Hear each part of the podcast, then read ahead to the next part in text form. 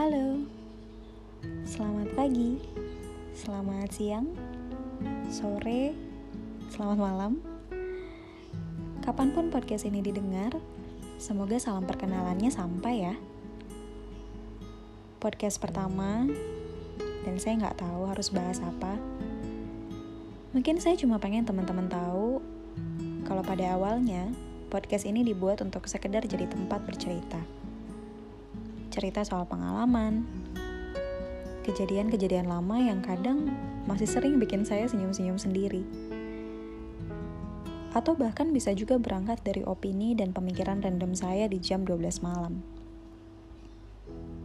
Apa pun. Apa pun. Saya berharap supaya salam perkenalan ini tidak cuma membuat teman-teman tahu ya, tapi juga mengundang rasa ingin memahami, rasa ingin mengenal lebih jauh, pada cerita-ceritanya, pada setiap rasa dalam katanya, pun pada suaranya. Khususnya untuk yang sedang bingung mencari kata, untuk mengungkapkan apa-apa yang ada dalam raga, semoga teman-teman menemukan rangkaian aksaranya di sini.